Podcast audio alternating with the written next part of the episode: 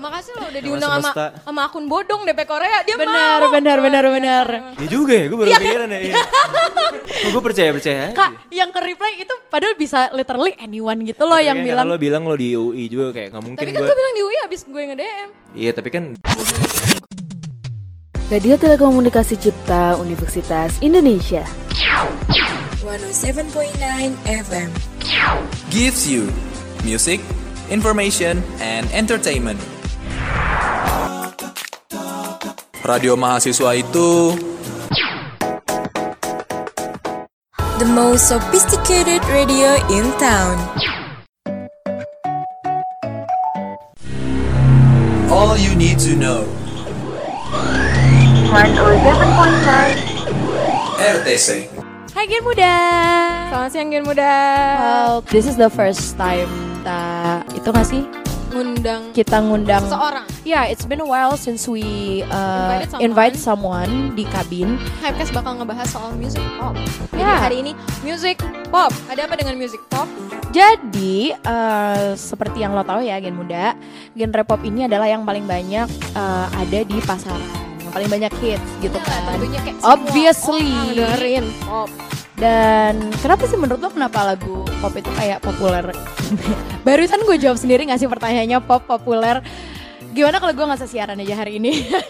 ya eh jangan gitu dong.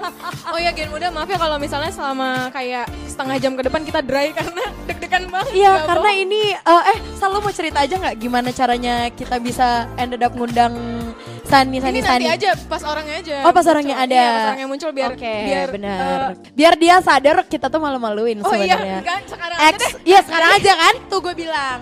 Jadi Gen Muda eh, buat lo yang mantengin R- IG-nya RTC atau Twitter RTC atau atau apa atau tweet Atau IG, sosial medianya, sosial medianya kita lah ya. Hmm, gue sama Riri itu pasti tahu dong hari ini RTC mau mengundang Janitra Satriani Wuh. Yang at Sani Sani Sani itu ya. Eh, Sani Sani. Iya Nah, tiga terus, kali salsa nggak usah Jadi- gugup banget lah. Gen Muda pasti penasaran dong wah amazing banget nih RTC tiba-tiba mengundang sebuah sebuah Buah kamu kira dia pajangan yang ada di supermarket? nervous banget gak bohong Ya emang. Now we know. Lanjut.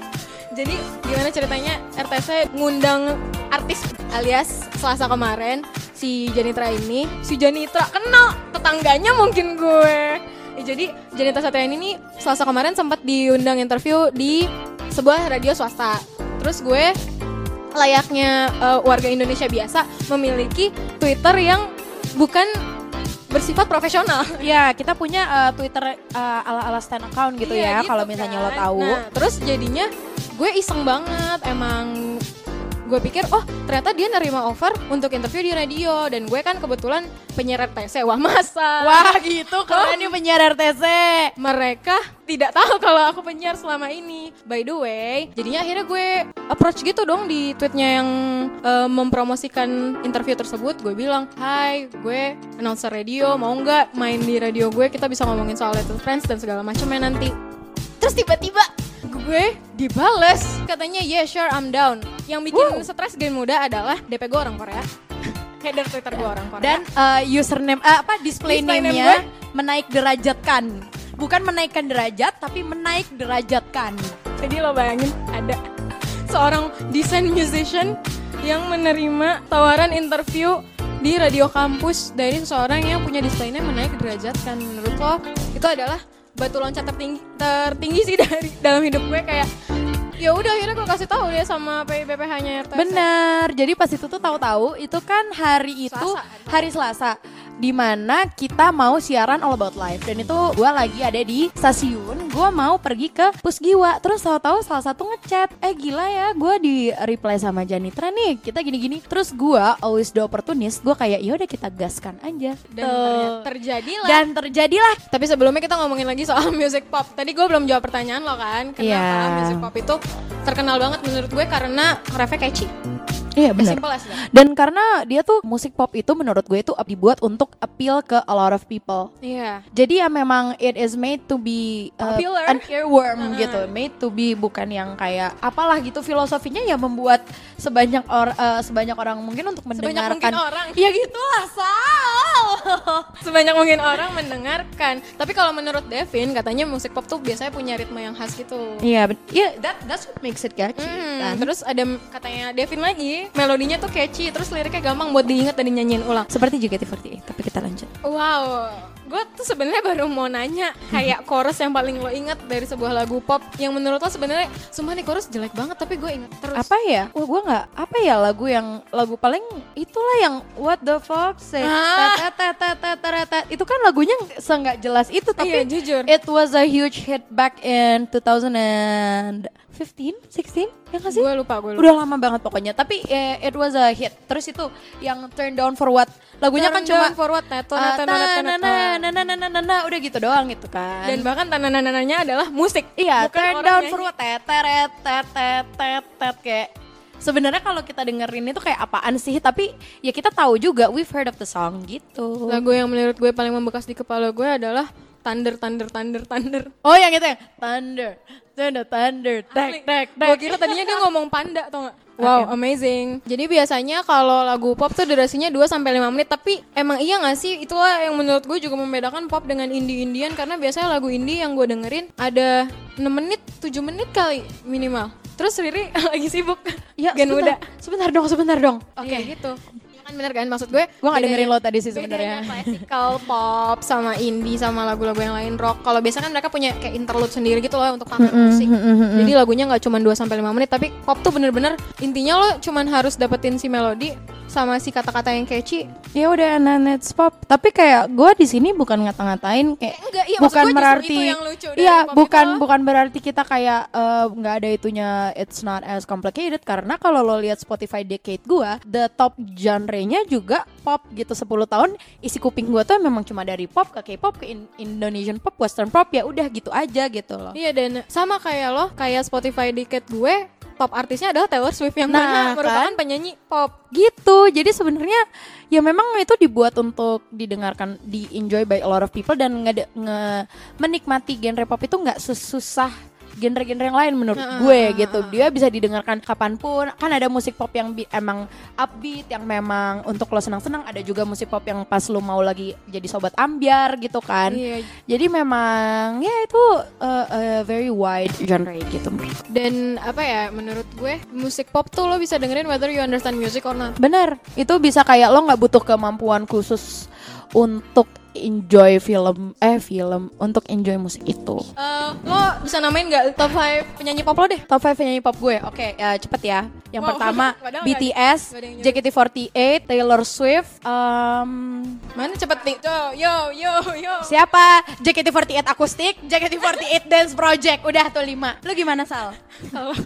wow, JKT. Sorry gue wota. JKT48 bahkan ada tiga. Salsa apa top 5 pop artis lo? Jawab aja udah. Taylor Swift, The Ace, eh Nicki, terus eh FX mamamu.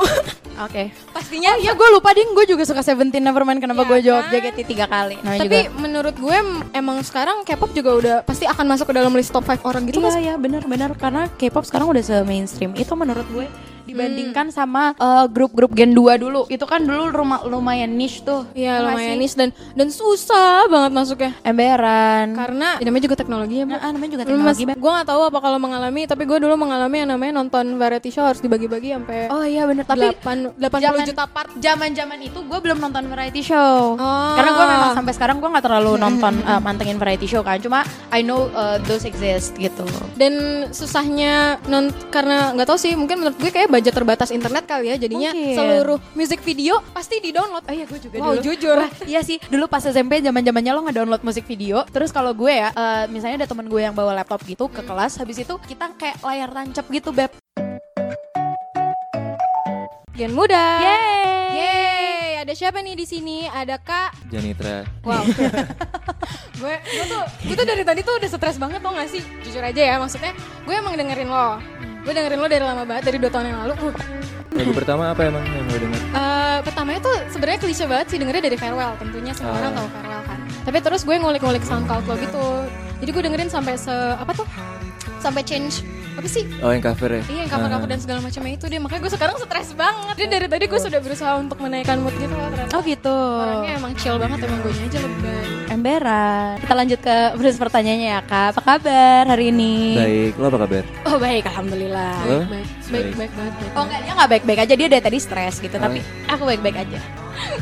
Tadi macet gak? Kan kita janjiannya jam setengah tiga sesungguhnya. Iya, gue sebenarnya bukan macet dikit, tapi kan gue tinggal jauh dari sini kan. Sejauh Satu jam Oh wow. Oh di mana kak? di Jakarta Timur.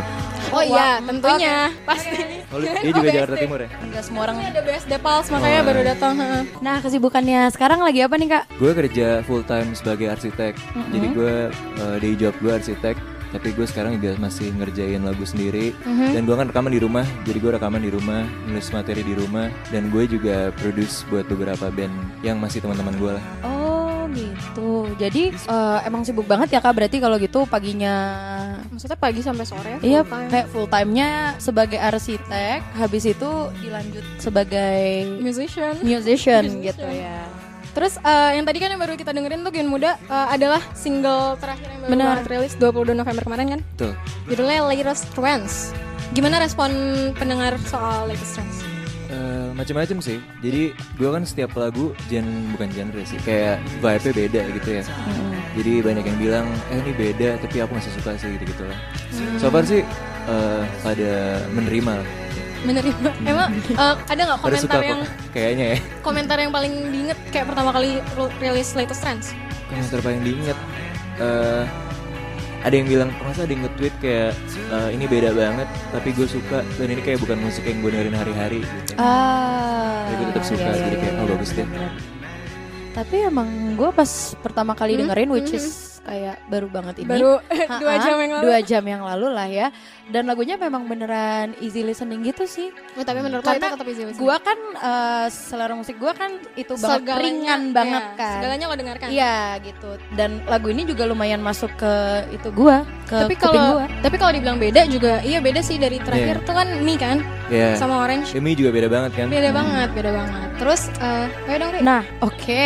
Jadi eh, kalau dari yang kita lihat liriknya itu kan eh, latest trend sesuai judulnya itu ngomongin tentang gimana kita itu nggak bisa keep up with the latest trends gitu ya kayak. Nah, emang menurut kakak sendiri gimana sih perputaran tren yang cepet yang selalu ganti-ganti itu bisa berdampak ke cara kita sosialisasi sama temen gitu gimana kak? Sebenarnya sih bukan tentang kita keep up sama latest trends ya. Mm-mm. Sebenarnya lebih ke gimana kayak di lingkup sosial tuh orang-orang sekarang banyak yang kalau ketemu itu ngomonginnya cuma ngomongin latest trends gitu. Ah, oke, Makanya oke. ju- uh, lirik pertamanya kan uh, tell me about your favorite friends terus small talks about the latest trends kan. Jadi yang gue rasain dari kemarin-kemarin setiap gue ketemu orang-orang apalagi yang gue baru kenal pasti topik yang dibawa itu topik-topik tentang the latest trends gitu. Hmm, hmm, hmm, hmm.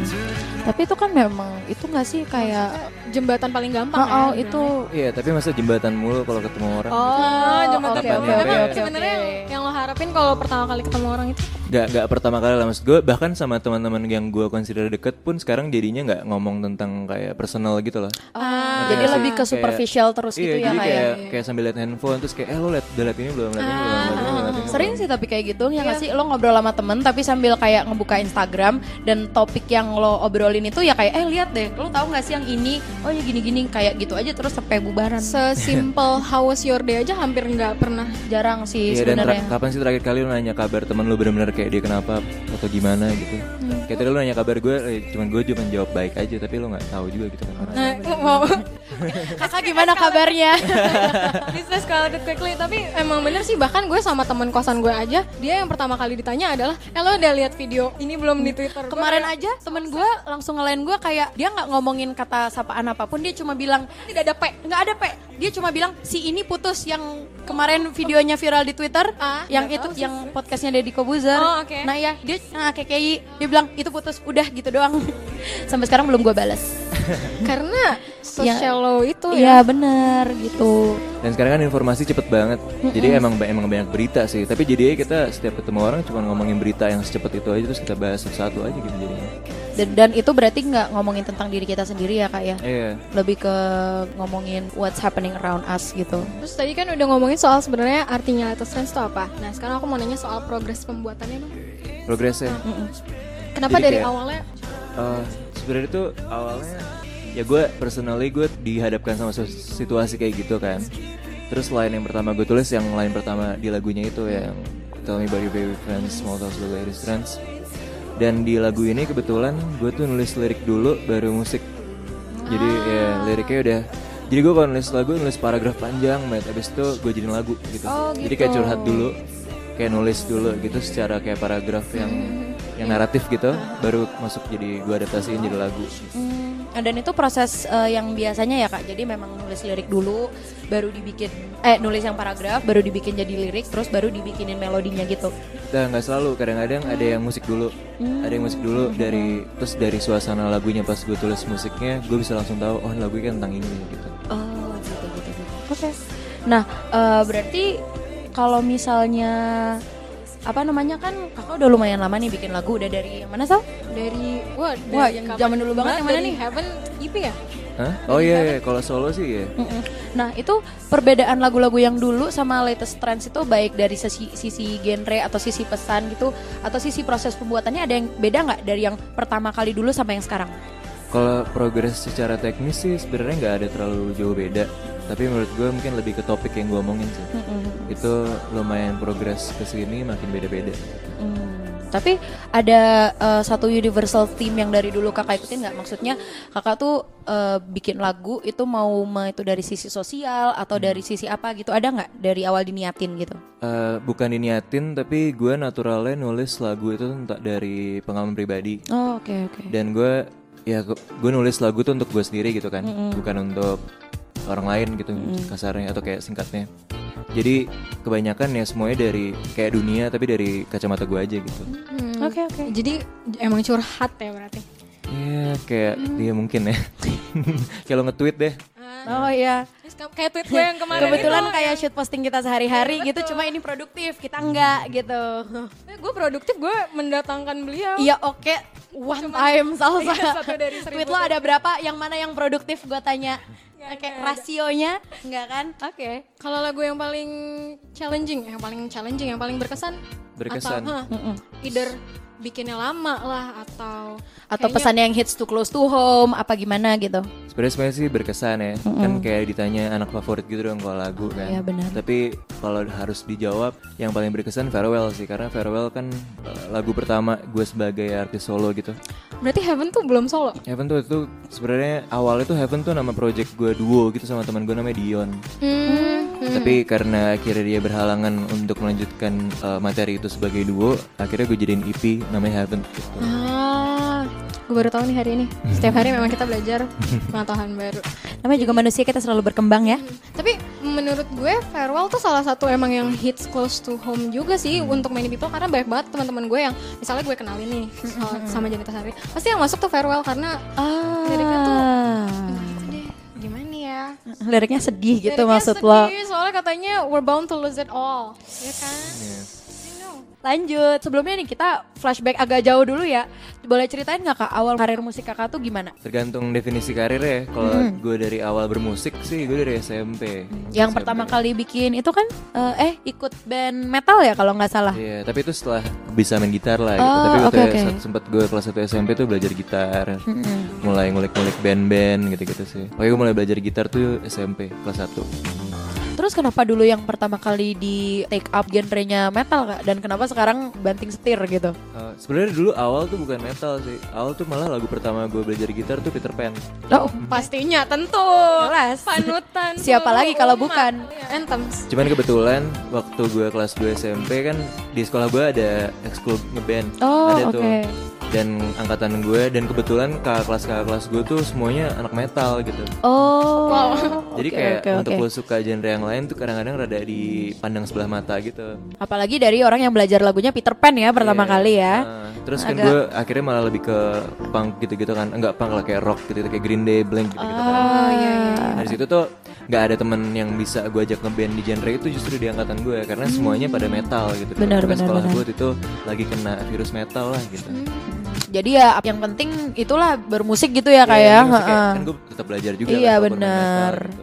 belajar ngeband juga Terus inspirasi pertama dari yang misal pas udah lepas dari band metalnya itu? Nah, maksudnya yang membuat gue akhirnya Oh, waktu itu gue kelas 2 SMP tiba-tiba jadi gue main di pensi gitu terus gue jadi tiap Jumat tuh di sekolah gue tuh SMP ada kayak sebutannya gue lupa apa pokoknya setiap kelas tuh boleh ada band yang mau main di Oh, wow. lapangan gitu, tiap dari kelas perwakilan terus ada anak jadi kan gue satu kompleks sekolah gue tuh gabung SD SMP SMA bahkan Hmm. PTK jadi waktu kita manggung tuh banyak anak, anak SMA lewat juga yang ngata-ngatain juga ada gitu gitu Eh, ya Allah. tapi ya ada anak SMA yang ngeliat gue terus pengen rekrut gue jadi gitaris ya. Oh, nah akhirnya gue kelas 2 SMP direkrut anak kelas 2 SMA waktu itu. Wow, jauh Nah, juga. mereka mainnya popang gitu yang blink yang apa gitu. Akhirnya gue bisa main di situ tuh. Ah, nah, gitu, gue mulai gitu, gitu. transisi lagi genre waktu itu karena gue diajak ngeband anak SMA waktu itu Hmm. Berarti lumayan versatile ya, udah pernah nyobain dari yang metal, popang, terus sekarang sekarang siapa inspirasinya? Kalau yang sekarang, sekarang sekarang. sekarang inspirasi sekarang banyak sih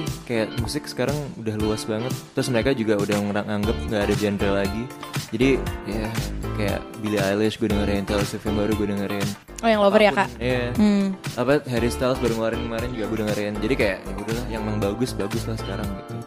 Gak harus menuntut genre. Tapi beberapa temen gue yang juga gue kenalin bilangnya Kasani tuh mirip 1975. Hmm, ya itu juga influencer besar gue juga sih mereka. Kakak pernah nge-cover itu juga kan kalau nggak salah ya? Pernah, pernah. 1975. Terus eh, kan eh, kakak tadi bilang Dulu- juga dulu ya? sempat jadi duo. Hmm. Terus jadi solois sekarang. Nah, Terus terus sekarang jadi produser juga gitu kan. Nah, eh, apa yang bikin kakak memilih untuk jadi produser? Eh, jadi tuh gue sebenarnya dulu dari dulu suka sama music production. Jadi waktu gue tadi gue bilang mulai kelas 2 SMP itu tuh gue sebenarnya langsung jadi gini gue suka juga komputer gitu gue suka teknologi. Waktu gue tahu adanya teknologi di mana lo bisa home recording, gue langsung belajar waktu itu. Itu kelas gue 2 SMP. Gue belajar dari kalau kalian mungkin kalian nggak tahu sih ada namanya dulu Sinten Tosca. Oh, tahu kok. Tahu, tahu, tahu. Pompong gitu. Iya. Kita nggak beda umurnya sejauh itu kok kak. Dia ngeluarin buku dulu gimana caranya Oh, lo iya. bisa ya, bisa rekaman di rumah gitu. Wow. Terus gue ke Gramedia gue beli. Wih. Terus gue belajar dari situ. Jadi gue emang dari dulu selalu barengan tuh gue belajar bermusik, ber- bermain instrumen sama gue produce gitu. Hmm. Sama kayak berkutat sama teknologi recording di komputer sendiri gitu. Emang bedanya home recording sama recording studio apa kan?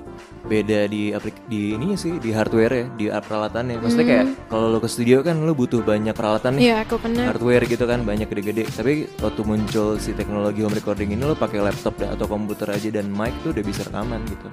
Segala instrumennya? Segala instrumennya tuh digital. Oh wow. Baru tahu kita. Banget, iya. Telat juga ya. Iya, iya, Oh, iya. Namanya juga dari dulu kita bukan mau jadi produser kak. namanya Sorry, sorry. namanya juga kita sekolah. Namanya juga kita kurang produktif dulu masa remajanya. Terus serunya yang bikin kakak tetap jadi produser sampai sekarang tuh apa sih? Kayak apa eh, serunya gitu? Eh, jadi tuh gue kalau kalian tahu kan gue sempet cover cover tuh. Nah itu sebenarnya gue cover cover untuk belajar rekaman gitu lah. Jadi kayak kalau gue cover lagu kan gue jadi tahu nih orang tuh pakai git pakai suara ini kenapa terus kayak lagunya kenapa diulang ini dua kali di sini kayak struktur lagu dari teknisnya gue jadi tahu karena gue cover lagu orang gitu. Kayak kalau lo belajar gambar lo nyoba gambar yang udah ada dulu gitu kan. Berarti otodidak dong kak belajar untuk producing ini. Oh wow oke.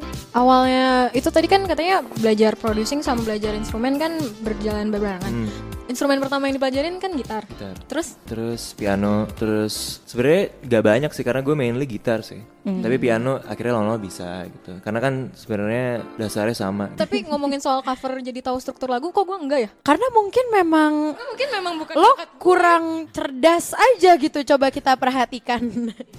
Tapi gue juga suka cover lah. Ya udahlah namanya. Jangan disama-samain, Sal. Beda nasib orang. Udah jangan berantem, jangan berantem. Kalian berdua cantik kok. Udah. Wow. Pertanyaan selanjutnya nih kak. Jadi sebagai produser dan juga sebagai musician itu mengubah cara kakak buat make music as an artist of your own nggak? Eh, banget sih. Gimana gimana? Kayak ternyata tuh kayak lagu tuh banyak kayak konstanta ya gitu lah. Mm-mm. Kayak kalau jadi yang ada yang bisa berubah-ubah, ada yang konstan gitu menurut gue. Misalnya kayak oh intro tuh jangan panjang-panjang atau apa gitu. Tapi ini sebenarnya nggak nggak nggak nggak absolut juga. Tapi se- semakin gue mendalami producing eh, beberapa kayak up- eh, konstanta ini yang gue pegang untuk gue suggest ke orang yang lagi gue produce gitu. Misalnya kayak Soalnya dia bingung nih, kan cara untuk dia gue menstimulan dia pasti kayak kasih kasih beberapa kayak clue gitu kan. Misalnya kayak udah kalau intro jangan terlalu lama. Intro tuh 20 detik paling maksimal. Orang harus langsung dengar suara vokalisnya gitu-gitu. Karena sekarang orang mungkin attention span-nya makin rendah Iya, gitu. benar, kayak contoh-contohnya kayak gitu tuh. Itu yang jadinya dari teknik producing mempengaruhi gue ke gue juga nulis lagu sendiri. cara approach musiknya memang beda ya kak antara uh, musician yang belum pernah uh, produce songs buat other people sama produser gitu. Eh, ya itu mungkin bukan pertanyaan yang bisa dijawab sama satu pertanyaan yang definitif gitu ya. Maksudnya kayak pasti beda-beda kan. Iya, Oh, iya, ini iya. juga lagu terserah gitu. Oke oke. Ada band-band yang ini mungkin gue tadi berbicara di kayak lingkup musik pop ya. Iya musik pop iya. yang lo denger lah tiap hari gitu. Biasanya Iya, pasti iya. kayak langsung mulai nyanyi. Biasanya kayak ref dua kali. Iya, Iya, iya, karena iya. ada beberapa lagu yang intronya panjang. Ya kan ada lagu-lagu yang kadang agak magic gitu kan kita dengerin ha apaan gitu. Seperti lagu-lagu yang biasa di Ha lagu yang biasa diputar di sini Tapi tapi makanya setiap lo ntar-bentar lagu, kalau itu lagu pop lo perhatiin deh, pasti di bawah mark 23 detik dia udah nyanyi. Hmm. gitu. Oh iya, kan tadi kita ngomongin lagu pop ya Sal ya. Nah, eh, kebetulan Kasani juga nulisnya banyak lagu pop kan? Ya gue consider itu sebagai pop sih. Heeh. Nah, menurut kakak apa sih yang bikin lagu pop itu bisa catchy banget dan bisa didengar dan kenapa itu adalah genre yang paling banyak didengerin orang gitu? Hmm. Ya kalau ngomonginnya kalau kita mau nerd out banget kan sebenarnya pop tuh maksudnya populer kan. Maksudnya jadi kayak dulu The Beatles tuh dikonsider rock, tapi waktu mereka jadi populer sekarang orang bilang The Beatles tuh pop misalnya gitu gitu. Jadi menurut gue sih sebenarnya kenapa disebut kenapa lo tadi bisa bilang lagu-lagu pop tuh enak karena lagu-lagu enak akhirnya terkenal jadi populer gitu kan. Oh, jadi bukan Oh, itu cuman kayak logik. itu kayak lingkaran setan gitu aja ya kan berarti kan? Kalau lo nyebut indie kan sebenarnya indie tuh independen gitu. loh. Ha-ha, iya, emang suka bingung. Bukan, iya, definisinya tuh bukan kayak mendefinisikan musiknya justru, tapi lebih kayak ya Cara dia ngedistribut distribut, iya. lagunya gitu kan? Kayak kayak kalau bilang lagu indie tapi kok apa namanya? ya enak juga tapi Ah, kan. ah, soalnya orang biasanya kalau lagu folk itu kan mereka bilangnya indie gitu kan Nah, iya, sekarang. ada kayak penyakit gitu. Penyakit. Gue juga gak ngerti Iya, itu muncul dari mana. Ha-ah, padahal indie kan bisa indie pop, indie rock segala macem Padahal gitu intinya kan. dia nggak ada label. Ha-ah, Iya. gitu. Cuma orang sering itu aja sih. Ya bahkan yang mereka sebut sekarang indie beberapa udah didorong Nah, dan iya, itu belakangnya lucu ada sih. label, Ada label. Jadi bukan independen lagi. Bener bener bener. Terus eh, tadi kan udah jadi produser dan memproduksi orang lain juga. Nah, bedanya lagu lo sendiri sebagai Janitra Satriani dan lagu-lagu orang lain yang diproduserin tuh apa? Ya tergantung bandnya sih. Hmm. Kayak kemarin kan gue produce terakhir tuh albumnya Summer Dose kan, Hmm. debut album mereka. Kalian tahu Summer Dose? Tahu tahu. Terus eh, yang gue rasa sih di sana gini, yang pasti kalau misal gue produce orang, gue nggak akan ada nggak akan memaksakan idealisme gue ke mereka gitu.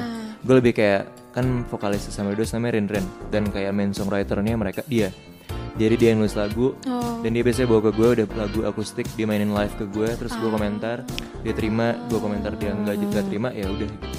Berarti jadi kayak apa sih memberi feedback buat Iya. eh, songwriternya gitu ya dan kayak. jatuhnya lebih yang kayak tadi gue bilang misalnya kayak ini kayak nggak perlu ada ref lagi deh setelah ini gitu. Hmm. kayak nggak perlu ada bagian yang ngawang-ngawang habis ini nggak perlu gitu gitu deh Nah, Soalnya emang menurut gue yang gue kan gue dengerin debut albumnya mereka itu tuh nggak berasa itu diproduserin Janitra Satriani gitu loh yang maksudnya bener-bener yang oh iya nih ini lagu Sani banget itu tuh enggak Tapi kan memang karena itu bukan di eh, bukan ditulis Oh, iya oleh sih. Kak Sani Ada juga nggak kan? oh, yang- gue Atau ada? nulis Oh, nulis. gitu.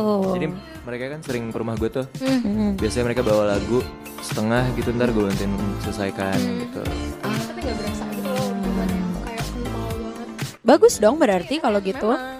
Tetap apa sih? Nggak biar eh, overpowering dari band itu sendiri kan? ya dan seharusnya menurut gue produser harusnya ke, band kayak gitu sih. Mm-mm. Nah, kalau misalnya sebagai produser sendiri tuh ada kriteria tertentu nggak kak? Kayak eh, band mana yang mau diproduserin atau apa yang enggak? Atau eh, kalau ada yang nawarin diiyain apa gimana gitu? sebenarnya tuh gue dulu nggak pengen produce buat orang lain. Karena gue nggak merasa sanggup sih dulu sebenarnya soalnya pasti untuk menyamakan maksudnya lo bayangin aja kayak gue punya visi sendiri terhadap musik terus gue harus ko- kompromi sama band yang gue produce di mereka punya visi sendiri terus harus disamain gitu tapi waktu Summer Dose ini sebenarnya waktu itu mereka lumayan maksa sih jadi gue kayak Oh eh, gitu. eh, Sampai ditodong nggak kak Iya, kayak ditodong produser gitu, nggak? Ya. Awalnya rekaman doang soalnya Oh, rekaman gitu. terus lama-lama gue terlibat gitu. Lama terlibat tiga lagu rekaman kayak gitu langsung ditembak gitu ya. Sekarang aja deh kakak yang produserin gitu. Terus gue kayak ya udah deh udah kecemplung juga soalnya Iya, sekalian berenang gitu ya kak ya. Jadi Kak Sani buat rencana ke depannya ada apa? Lagi selain album tuh.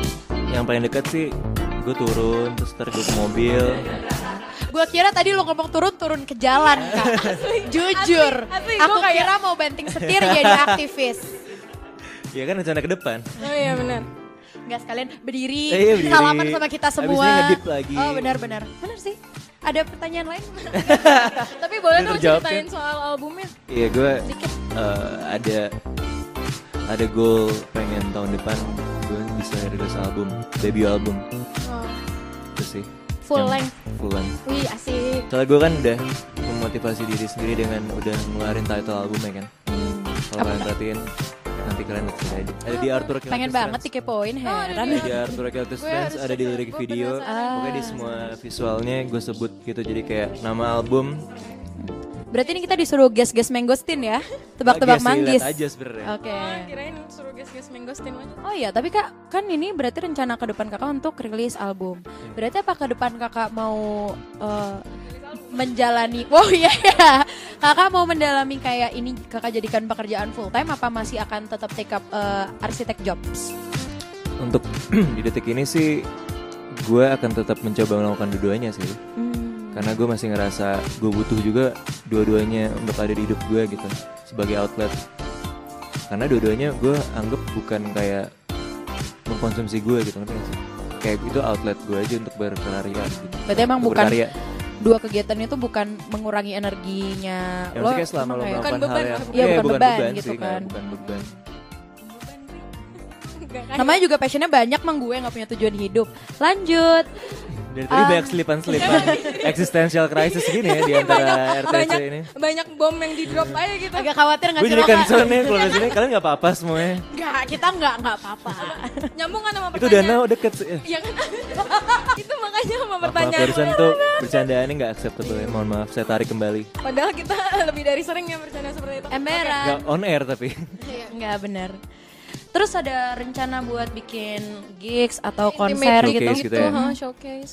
Nah itu gue belum bisa iyain, tapi rencana sih pasti pengen ada, pengen punya acara, pengen bisa menggelar acara sendiri. Nih gitu. Indi Wisteria mau nge-host kok ya kan ya? Indi Wisteria.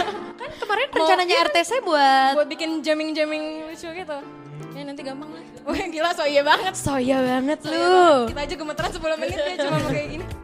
Eh, terus eh, harapannya soal karir bermusik di Indonesia. Harapan ke gue atau harapan musik Indonesia? Dua-duanya aja kak, biar kontennya banyak. Harapan apa ya? Entah sih kalau harapan mungkin lebih ke Apa ada tapi menurut gue sekarang nih kayak musik di Indonesia yang khususnya daripada em, musisi-musisi side stream yang banyak nih nggak usah gue sebutin lagi pada bagus-bagus.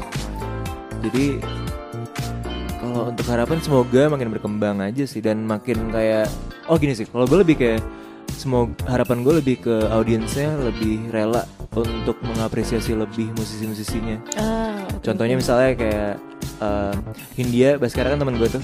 Kemarin dia bikin konser itu kan. Hmm, Yang menarik dalam bayangan bayangan, itu. kan? Harganya lumayan mahal segala macam dan kayak ada merch dan segala macam. Kayak willingness konsumen musik tuh harusnya bisa harapan gue lebih naik lagi. Mau spend harga sekian untuk artis lokal. Tapi di Indonesia masih rendah banget gak sih kak? Apalagi kayak kan? orang dikit-dikit tuh eh, eh Kok mahal banget, Kak? Iya Gitu. kok mahal banget kok ini banget atau film aja orang kayak ya udahlah nunggu gratisannya aja dulu Iya, di parah banget sih. Sekian justru- sekian sekian gitu. Tapi makanannya sekarang udah membaik menurut gue kayak Kunto Aji juga mau konser kan. Oh iya. Terus sold out gitu dengan tiket yang harga segitu. Jadi menurut gue apresiasi orang udah makin membaik lah. Siapa tahu ntar kalau lu konser satu detik up dia langsung Wow. sold out semua gitu kak. Kayak konser Korea gitu kan. Kayak konser Korea marah Ha-ha. banget harus banget disebut ya. Apalagi Cuman dong. Korea sih ya. Apalagi dong. Tapi jujur gue dulu tuh sempat mikir kayak gitu loh, kayak ih mahal banget sih, mahal banget. Cuman karena kemarin gue sempet nonton gig apa gitu, terus ternyata wow, local musician tuh sebagus itu kalau masalah mindset aja gak sih kayak kebetulan mindset orang Indonesia nggak mau rugi gitu kan. Jadi kayak keuntungan sebesar besarnya dengan duit yang keluar sesedikit sedikitnya gitu makanya. Dan mungkin orang dulu belum punya bayangan jelas kayak struggle musisi indie tuh kayak gimana mungkin. Ah. Kayak makin ke sini kan sosial media dan orang-orang mensosialisasikannya lah makin baik, makin macem-macem uh, wadahnya. Jadi konsumen atau para pendengarnya juga mulai terbayang betapa satu lagu pun aja tuh struggle-nya panjang dan melelahkan dan draining bagi musisi-musisinya. Berarti kan ada sosial media ya kak. Jadi eh, artis-artisnya merasa bisa lebih nge-share proses behind the scene-nya juga eh, orang-orang yang mendengar juga bisa lebih menghargai itu kan lebih terkonek aja gitu kan kalau gitu dengan Iya. adanya sosial media ini. Dan gue rasa juga kayaknya sekarang konsumennya lebih terdidik sih. Makin ke sini makin ya mereka orang-orang pinter lah gitu. Makasih. Makasih. Kami tentunya. Padahal Oke. kita nggak pinter-pinter amat. Lanjut. Tuh kan curhat lagi. emang emang kayak gitu suka-suka ada. Sorry kak itu gimmick kita. Ada drop. ada mau nanya lagi apa gitu kayak mumpung ada orang yang Ngomong orang yang rela ditahan sampai jam 10 malam. Ha jaga kabin. Kita udah keluar nanti kayak Kasani masih gue lompat aja. Iya, iya. Banyak drop bomb kan di sini. Gue sebel banget. Jadi kan kita udah tahu nih semua. Ya, gue asumsi aja sih. Jadi takut. Enggak tahu apa sih Eh, kalau Kasani kan di sini bukan cuma jadi seorang musisi, tapi juga mempunyai pekerjaan seorang ar- ah, arsitek. Nah, terus kalau misalnya boleh diparalelkan nih, kira-kira ada nggak persamaan antara membuat musik dan membuat bangunan? Gitu. Pinter banget nih pertanyaannya. Nah kebetulan tuh dulu skripsi gue waktu kuliah itu eh, hubungan arsitektur dan musik kan. Terus eh, ada satu musisi dulu bilang eh, arsitektur tuh frozen music gitu. Nah, jadi lagu kan juga sebuah wadah untuk lo hidup di dalamnya sebenarnya ngerti nggak? Kayak lo membangun memori sendiri di situ gitu, gitu. Sama kayak rumah, sama kayak semua bangunan arsitektur gitu kan. Kayak kampus gitu. Dan arsitektur tuh juga ada ritmenya gitu. Misalnya kayak gini lu lihat dari semua di arsitektur UI itu ada bataknya. Terus lu lihat itu elemen ada di mana-mana. Di musik pun juga kayak gitu. Ada satu su- suara bell diulang terus sampai akhir persamaannya lebih ke elemen-elemennya kalau lu breakdown sebenarnya pengulangan tuh ada di arsitektur di musik juga ada ada refrain juga misalnya kayak refrainnya UI itu em, perpustakaannya gitu yang jadi refrainnya gitu refrain chorusnya terus endingnya misalnya eh, tempat lo wisuda tuh namanya apa? Balai room. Balai, itu kan ha-ha. di mana akhir perjalanan lo sebagai Wow. mahasiswa gitu kan. Boom. Ini hari terpinter gue. Kayak gitu deh. Jadi menurut gue sangat ada bersamaannya. Berarti memang itu ya eh, dua-duanya nggak ada yang jadi beban atau salah satu. Iya, karena Iya. Heeh, karena Karena menurut gue juga dua-duanya mirip, tapi mungkin gini, bedanya kalau di musik gue bisa lebih egois gitu. Gue bisa lebih kayak ini cerita gue, cerita gue gitu. Tapi kalau di arsitektur kan jasa ya. oh iya. Jadi gue harus nggak bisa mencurahkan sepenuhnya idealisme gue. gitu. Karena kan pada akhirnya ini bukan buat gue, bukan buat orang lain. Beda kalau di musik, lebih buat gue gitu. Coba Ri lu sekarang cari korelasi antara Jakarta 48 sama FK. Jadi pertanyaan selanjutnya ya. Bukan gue, gue bukan guest star, tunggu gue bikin album. Pesan dan kesan buat gen muda yang lagi dengerin mungkin kak? Dan buat RTC juga. Buat RTC, makasih udah ngundang gue di sini. Terima kasih buat waktunya semua. Sama-sama. Semoga ke depannya makin baik lagi, Amin. makin berkembang. Amin. Menghayati banget ya doa lo pada lanjut. Iya, maksudnya gue seneng kayak kalian masih aktif di radio gini di kampus, terus mencoba interview musisi kayak gue gitu. Bener sih. Dan gue ya, maksudnya gue akan sedia datang kalau misalnya kalian emang masih, maksudnya kayak emang beneran interest di musik gue misalnya atau ntar art- artis-artis selanjutnya yang ntar kalian undang ya lebih baik lagi nanti risetnya segala macam karena gue tahu musisi seneng gituin atau siapa pun yang berkarya kalau ditanya karyanya pasti seneng gitu Besok kita ngundang Iya. Beyonce. Selesai. di renov dulu ntar UI. Iya direnov dulu UI-nya bukan kabin kita lagi. Buat gen muda. Yang lagi Gen muda dengerin. tuh siapa sih Ini Teman teman-teman kita baik yang ada maupun tidak. Oke oke. Gue selalu ngomong ini nih kalau ditanya pertanyaan ini. Jangan kebanyakan alasan. Kalau misalnya lo mau nyoba, coba. Kalau lo mau ngapa-ngapain, coba dulu baru mikir.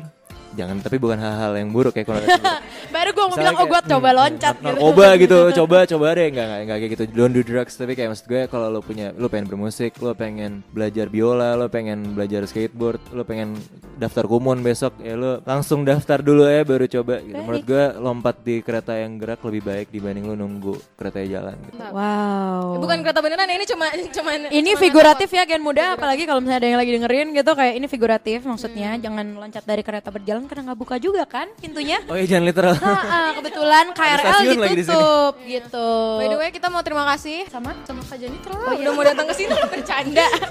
Iya, Sama makasih. ada hire Bing. Iya loh, makasih loh udah Sama diundang sama sama akun bodong DP Korea. Dia benar mau. benar benar benar. Ya juga ya, gue baru pikiran ya. Iya. gue percaya percaya aja. Kak, yang ke reply itu padahal bisa literally anyone gitu loh Tapi yang kan bilang lo bilang lo di UI juga kayak nggak mungkin Tapi kan gue. bilang di UI abis gue nge-DM. Iya tapi kan de, abis lo kasih tahu. Kalau misalnya kayak iya kak radio kita di selokan mana terus kayak hmm, harus naik kapal gitu kayak kagak deh. Ah, enggak ini UI gitu kan kebetulan tahu lah lokasinya. Enggak akan diculik gitu kan kesannya. Bener bener bener. Ginjal gue masih ada. Hmm, kan? Makasih buat Devin. Makasih buat Devin yang udah bikinin skripnya Hamin Amin. Hamin 30 lah ya, ini udah dipersiapkan sejak lama. Dan terima kasih juga buat Gen Muda. Riri Vanilli and Salsa Arosai signing out. Love you all. Take care and bye-bye.